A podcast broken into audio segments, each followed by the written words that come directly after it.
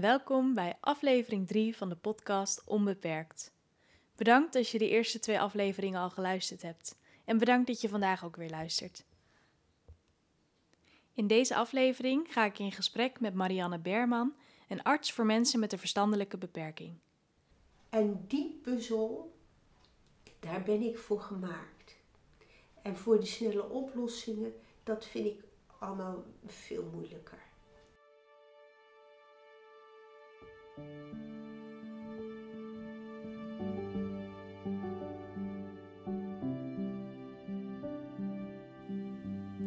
In de eerste aflevering van deze podcast vertel ik dat ik mijn zusje Rosanne nooit anders zou willen dan hoe ze nu is. Dat is iets wat ik zeker weet.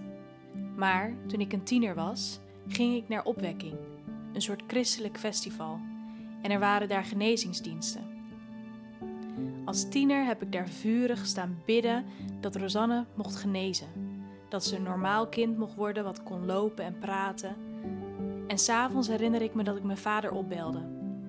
Hij lag al te slapen, maar hij werd voor me wakker. En in tranen vroeg ik hem of hij alsjeblieft bij Rosanne wilde gaan checken of ze kon praten en of ze genezen was. Met een bijna kinderlijk geloof was ik ervan overtuigd dat mijn gebed geholpen zou kunnen hebben. Ik zal nooit vergeten wat mijn vader toen tegen me zei. Hij zei: Lisa, Rosanne hoeft niet genezen te worden, want ze is niet ziek. Ze is anders dan wij en ze zal nooit de dingen kunnen die wij kunnen.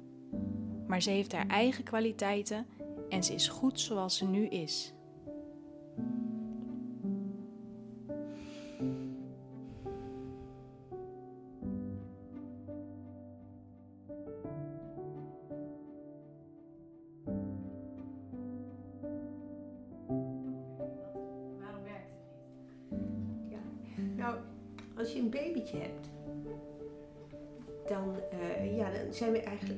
Dat dat allemaal gewoon goed gaat met het opgroeien.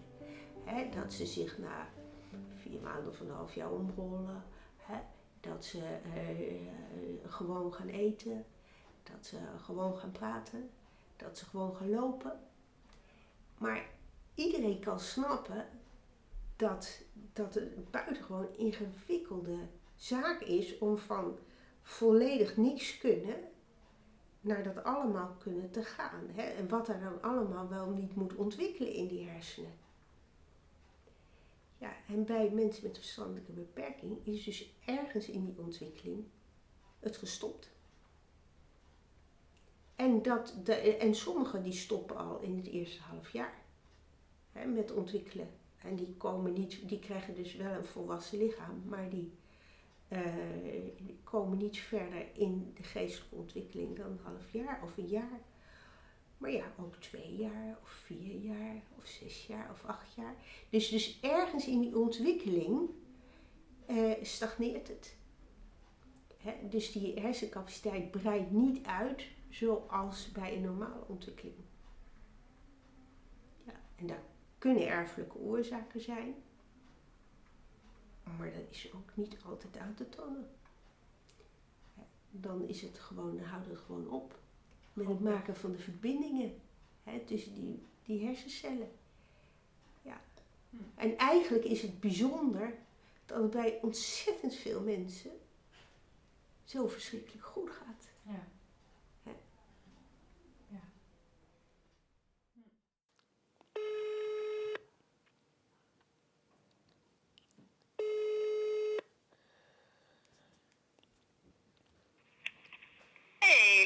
Met mama. Hoi, met Lisa. ik, uh, ik uh, ben bezig met de podcast. Ja. En uh, ik vroeg me eigenlijk af, hoe, uh, waaraan merkten jullie eigenlijk dat er voor het eerst dat, dat er met Rosanne wat aan de hand was toen, nadat ze geboren was? Ehm, nou, dat heeft eigenlijk wel een tijdje geduurd. Want Rosanne is gewoon geboren zoals, uh, ja, zoals eigenlijk uh, jij en Joel ook uh, geboren zijn. Alleen is zij wel iets, ietsje vlotter nog geboren. Dat was echt, ze was heel snel en ze was ook heel klein. Ze was zes pond.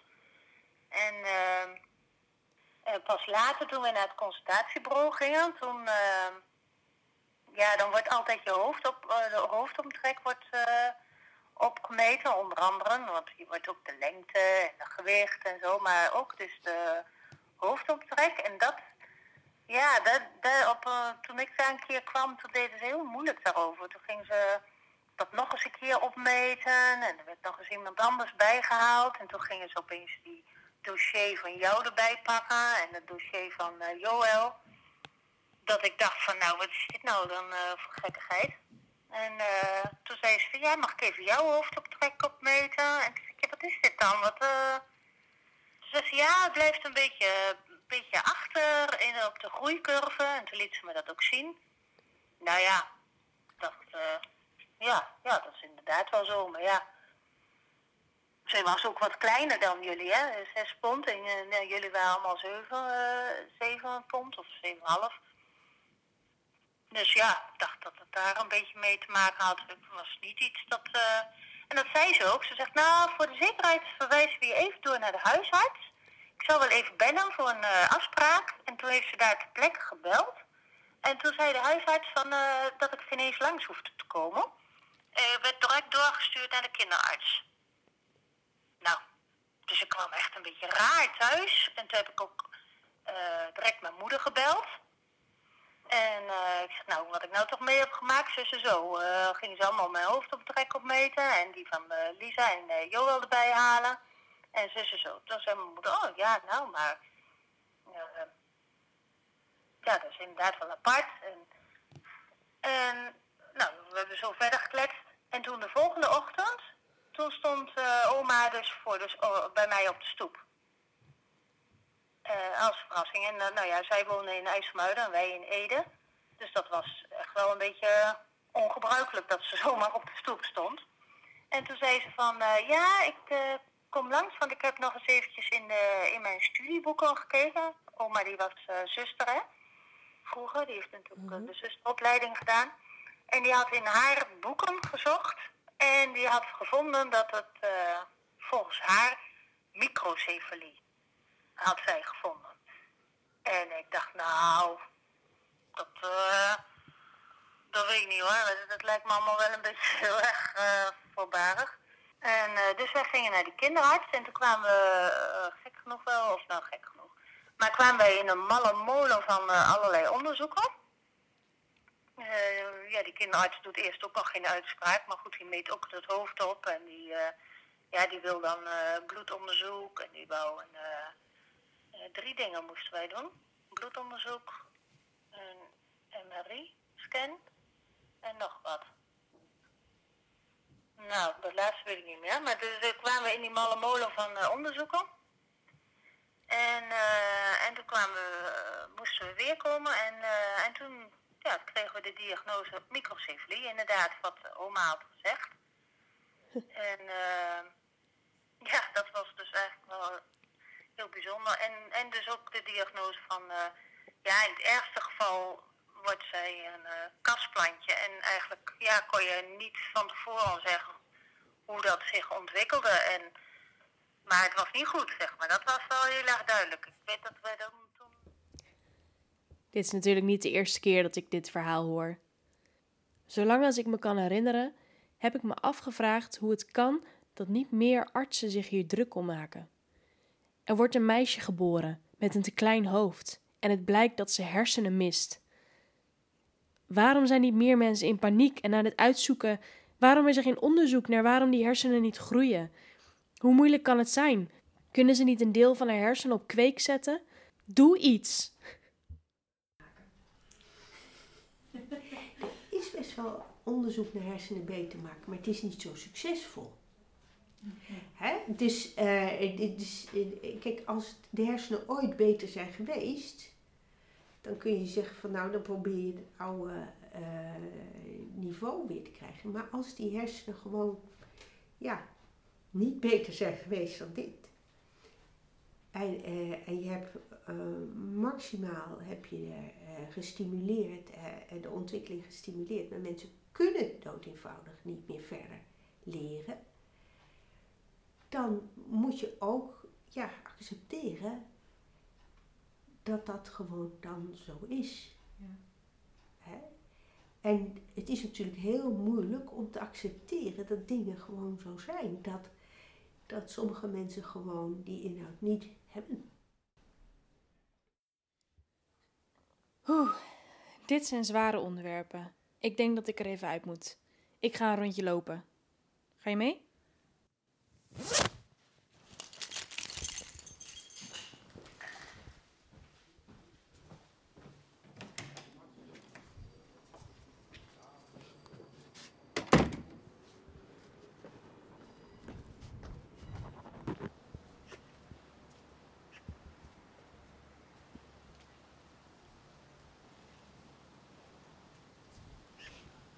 Marianne is een speciale arts voor mensen met een verstandelijke beperking. Een AVG-arts. Alleen is dat eigenlijk dubbel, want de A in AVG staat voor arts. Marianne heeft 30 jaar lang in een verpleeghuis gewerkt als specialist ouderengeneeskunde.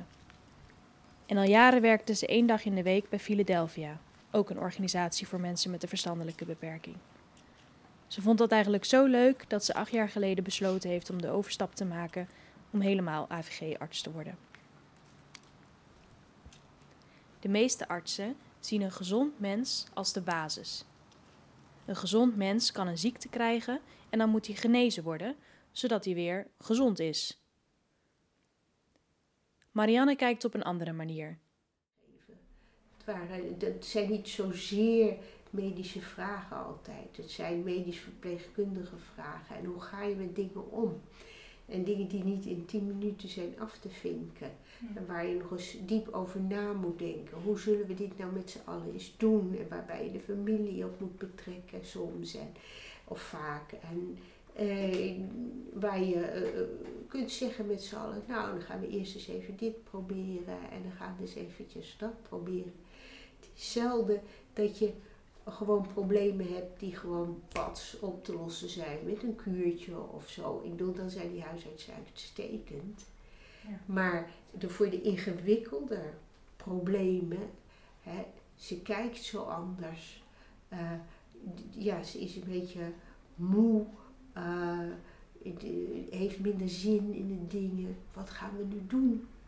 Er zijn zo verschrikkelijk veel dingen en je moet zo klein kijken. Zo klein op de vierkante millimeter. En zitten die kleren niet te strak. Uh, het is geen jeuk. Uh, zitten de schoenen nog goed? Is het gehoor niet achteruit gegaan? Gaat ze niet minder zien? Er zijn zo verschrikkelijk veel dingen waardoor mensen toch van gedrag kunnen veranderen. En dan moet je de tijd voor nemen met z'n allen rustig naar kijken en dan dus iets uitzetten. En dan vervolgens er weer over praten. Dat betekent dat je veel geduld moet hebben met elkaar. En dat je elkaar ook moet respecteren in de visie. Die kijkt er zus naar, die kijkt er zo naar. En iedereen heeft wel een, iets goeds in die invalshoek. Maar dat betekent ook dat je nooit in 10 minuten klaar bent want dat, dat, je moet begrip krijgen voor mekaars visie. Je moet nog eens eventjes doorpraten. Je moet het allemaal nog eens laten bezinken. Er nog eens even over terugkomen. Ja, en die tijd moet je nemen. Ja. Maar dat is ook niet erg, want mensen zijn niet heel kort in deze zorg. Ze zijn er jaren. Hè? Dus je hebt ook wel tijd in het algemeen. Dus dat is dat vind ik ook mooi.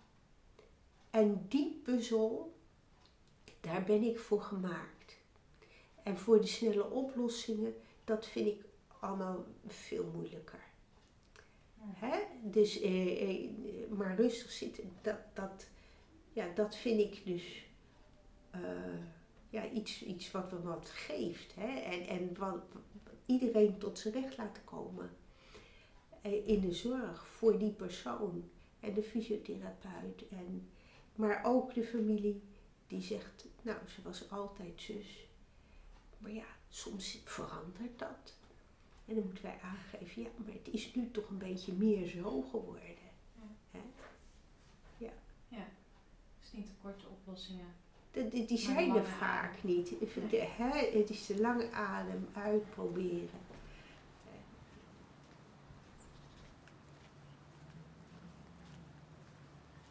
Ik ben aan het nadenken over alles wat Marianne gezegd heeft. En over alle dingen die ik als kind heb bedacht en hoe ik daar nu als volwassene naar kijk. In de eerste aflevering zei ik: Als je het niet zelf hebt meegemaakt, is het moeilijk om te begrijpen. En daarmee zet ik een heleboel mensen buitenspel. Want blijkbaar zijn er dus mensen die het begrijpen en mensen die het niet begrijpen.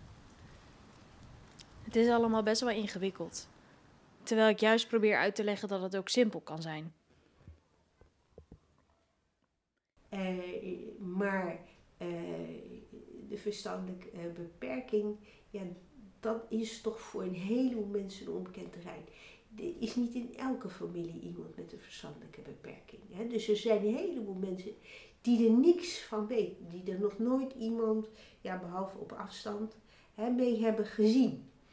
En, nou ja, en, en dan, dan ken je het niet en dan is het ook raar en moeilijk. En laten we eerlijk wezen, als je voor het eerst wordt geconfronteerd met mensen met een beperking, dan weet je ook niet meteen hoe je moet reageren.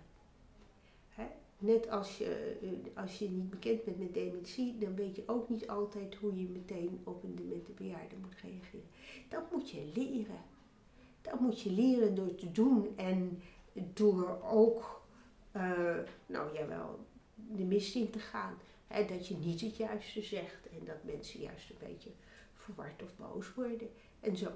Dus dan heb je net niet de juiste toon te pakken. Nou ja, maar dan leer je van mensen die er langer in werken, wat wel de juiste toon is en hoe je het kunt bekijken. Maar die eerste plons te nemen, ja, dat gaat voor sommige mensen dan te ver.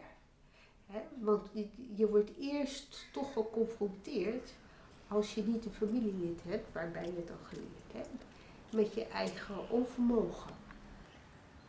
Daar is hij weer, die drempel waar ik in de vorige aflevering het over had. Marianne kent hem ook. Misschien heb je die aflevering ook geluisterd en heb je daarna voor jezelf bedacht wat voor jou die drempel is of was. Misschien is de beste manier om een drempel over te komen, om die eerste plons te nemen, zoals Marianne het zegt, om je te focussen op wat daarachter ligt. En ze zijn dus uh, soms veel aanvaardender dan wij. Hè? Dat is ook omdat ze over dingen niet heen kijken. Dus bijvoorbeeld iemand krijgt borstkanker en, uh, maar is heel erg laag van niveau. En uh, de borst is eraf. Ja, zegt ze. Vooral, ik mag niet zwemmen, hè. Ik mag zes weken niet zwemmen. Nou, dat is eigenlijk hoe ze... En, en dan zie je dus hoe wij met zo'n diagnose omgaan. Die daar van allerlei consequenties. En wij denken allemaal verder. En zij denken alleen maar in het moment. Dus als je wil leren in het moment te leven dan moet je naar mensen met verstandelijke beperking van een laag niveau uh, kijken als je dat wil leren. En wat ik ook wel gezien heb, is iemand in het verpleeghuis met een verstandelijke beperking die doodging. En die een steun was voor haar hele familie. Want ja, dat kon zij goed aanvaarden. Haar hele leven had zij steun moeten hebben van iedereen, want ze was angstig. En, nou ja, ze wist het niet en ze werd gauw overvraagd. Maar in dat bed met alleen de lichaam vond ze het overzichtelijk. Alles werd voor haar gedaan. En zij was helemaal niet droevig of. Nee, zij was een steun voor iedereen. En ja, dat vind ik mooi. En ik denk dat wij toch veel kunnen beleven aan mensen die ook in moeilijke situaties alleen maar in het moment zijn en zich niet druk maken of van alles eromheen. Dat doen wij natuurlijk en dat is ook normaal gesproken goed. Hmm. Hè? Maar het is ook goed om eens te kijken hoe zij dat doen. Ja, ja staan uh, boekenplanken over vol, hè? In het hier en nu leven. Hier en nu leven, maar hier zie je het. Zij doen het. Zij doen het. Zij doen het. En uh, ja, daarom moeten ze ook aan alle kanten beschermd worden en zo. Want je kunt niet alleen in het hier en nu leven, in, in, in deze ingewikkelde maatschappij. Met allemaal vragen. En één vraag daarvan was, uh, wat is de levensverwachting? Want dat, ik had thuis wel na zitten denken, eigenlijk al op de terugweg, dat we tegen elkaar zeiden van, uh, ja, ik heb eigenlijk nog nooit een mens gezien met een klein hoofd. En uh, jongen, zou, zou die dan, uh, zou die dan snel overlijden of zo? Of, ja, wat, wat, wat is dit? En, hoe komt het? En uh, al, nou, allemaal dat soort vragen. En dus die overleed. Ja, ik dacht van nou, dan zullen ze wel niet zo oud worden of zo, die mensen met een klein hoofd. En, uh, maar dat uh, bleek mee te vallen. Dat, er zijn dus meer mensen met een klein hoofd dan wij weten. Maar dat heet dus microcefalie. Er zijn veel redenen waarom ik zichtbaar wil maken wat nu nog onzichtbaar is. En dit is er één van. Al die jonge ouders die een kind krijgen waar iets mis mee lijkt te zijn. En die om zich heen kijken en niemand zien die is zoals hun kind. Je kind moet naar een speciale dokter, naar een speciale school en naar speciale hulpverleners. Je staat helemaal apart in een klein hoekje van de maatschappij. Alleen.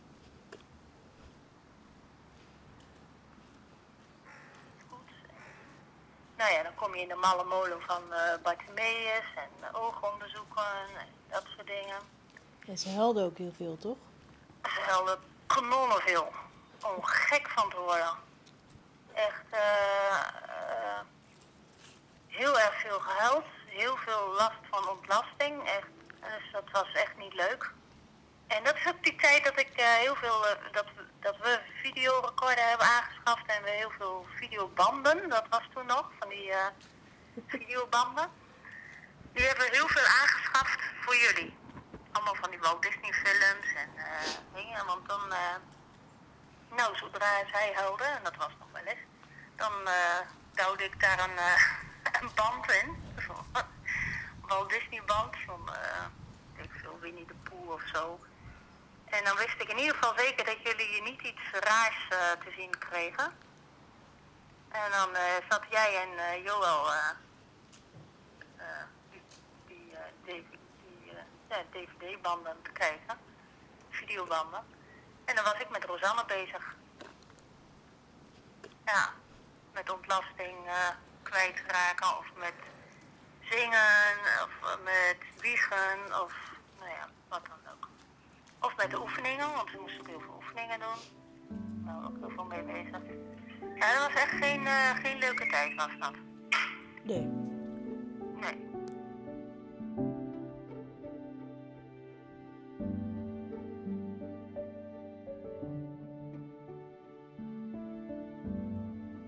Precies hetzelfde wat waarde geeft aan ons leven, denk ik. Hè?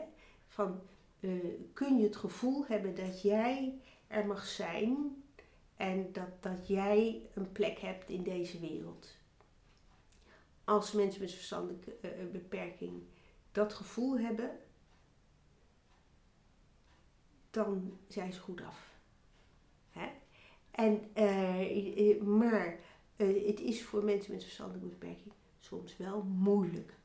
Soms vooral bij de mensen met een lichte tot matige verstandelijke beperking, die dus zien wat andere mensen hebben om dat gevoel van volwaardigheid en, uh, en zo te hebben. En, en het gevoel van ik heb een plek in deze maatschappij. Ik word als volwaardig gezien. Ik krijg de kansen die, de, die ik heb. En uh, nou, dat is niet altijd vol aanwezig. Ze krijgen veel minder kans op de arbeidsmarkt. Het is heel veel toch dat het niet goed wordt begeleid. Of nou ja, dat, dat hun potentieel niet altijd goed eruit komt. Nou ja, en dat vind ik echt wel heel erg uh, jammer. Aan de andere kant doen we hier binnen Friel natuurlijk ons bloedige best om zoveel mogelijk mensen dat gevoel wel te geven. En soms ook, toch ook best wel heel vaak met succes. Ja. Hè? Door wel te begeleiden naar werk of dagbesteding. Of, hè? En, en steeds maar weer te kijken waar kunnen we iemand blij mee maken. Hoe kan die zich vol en gezien voelen. En zo. Dus dat is mijn werk. Ik bedoel, ik, mijn werk is wel om daar, dat zoveel mogelijk te stimuleren. Ja. ja, dat het dus heel belangrijk is. Natuurlijk, maar voor jou en mij net zo natuurlijk. Ja. En wij weten allemaal hoe moeilijk dat soms is. Ja. Ook als je niet verstandelijk beperkt bent. Ja. Om dat gevoel te hebben, jij mag er helemaal zijn. Voor jou is een plek. En jij bent geliefd, jij bent er. En, en wat voor rol heeft de maatschappij daar nog in? Ja, nou ja, we zien dat, dat het,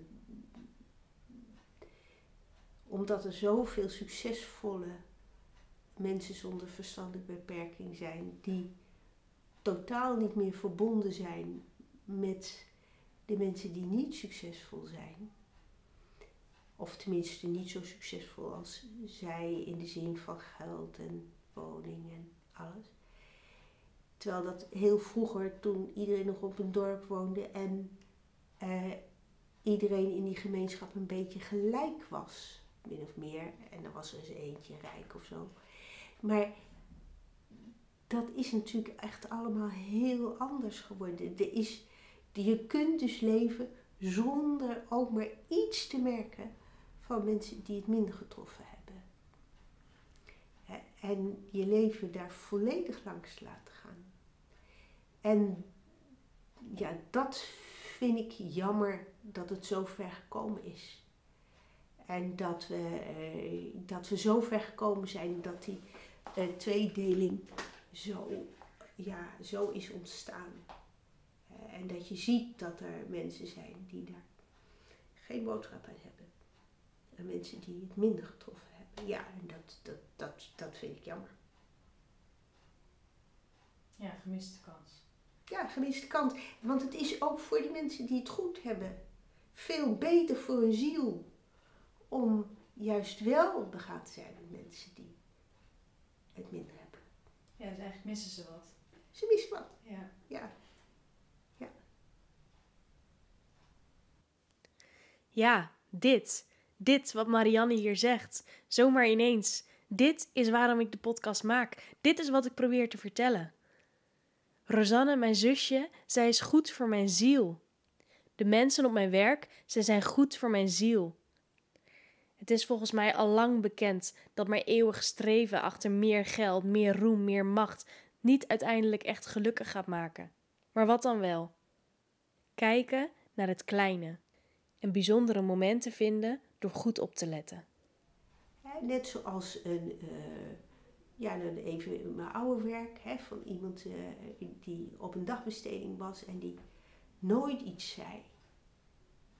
Toen kwam er ineens een mannelijke begeleider en hij praatte die honderd uit tegen. En wat we ook ooit hadden kunnen bedenken, dat niet. Hij had gewoon niks te maken met die vrouwen allemaal. Daar wilde hij. Daar had hij niks mee. En dat is dus, dus, en dat vind ik de bijzondere dingen hè, van uh, mensen die totaal niet bewegen en door muziek ineens tot beweging komen. Dat zijn de bijzondere dingen. Dat, je, je, moet, je moet het, ja, maar dat moet je allemaal uitvinden op de vierkante millimeter. De bijzondere dingen die gebeuren vaak op de vierkante millimeter.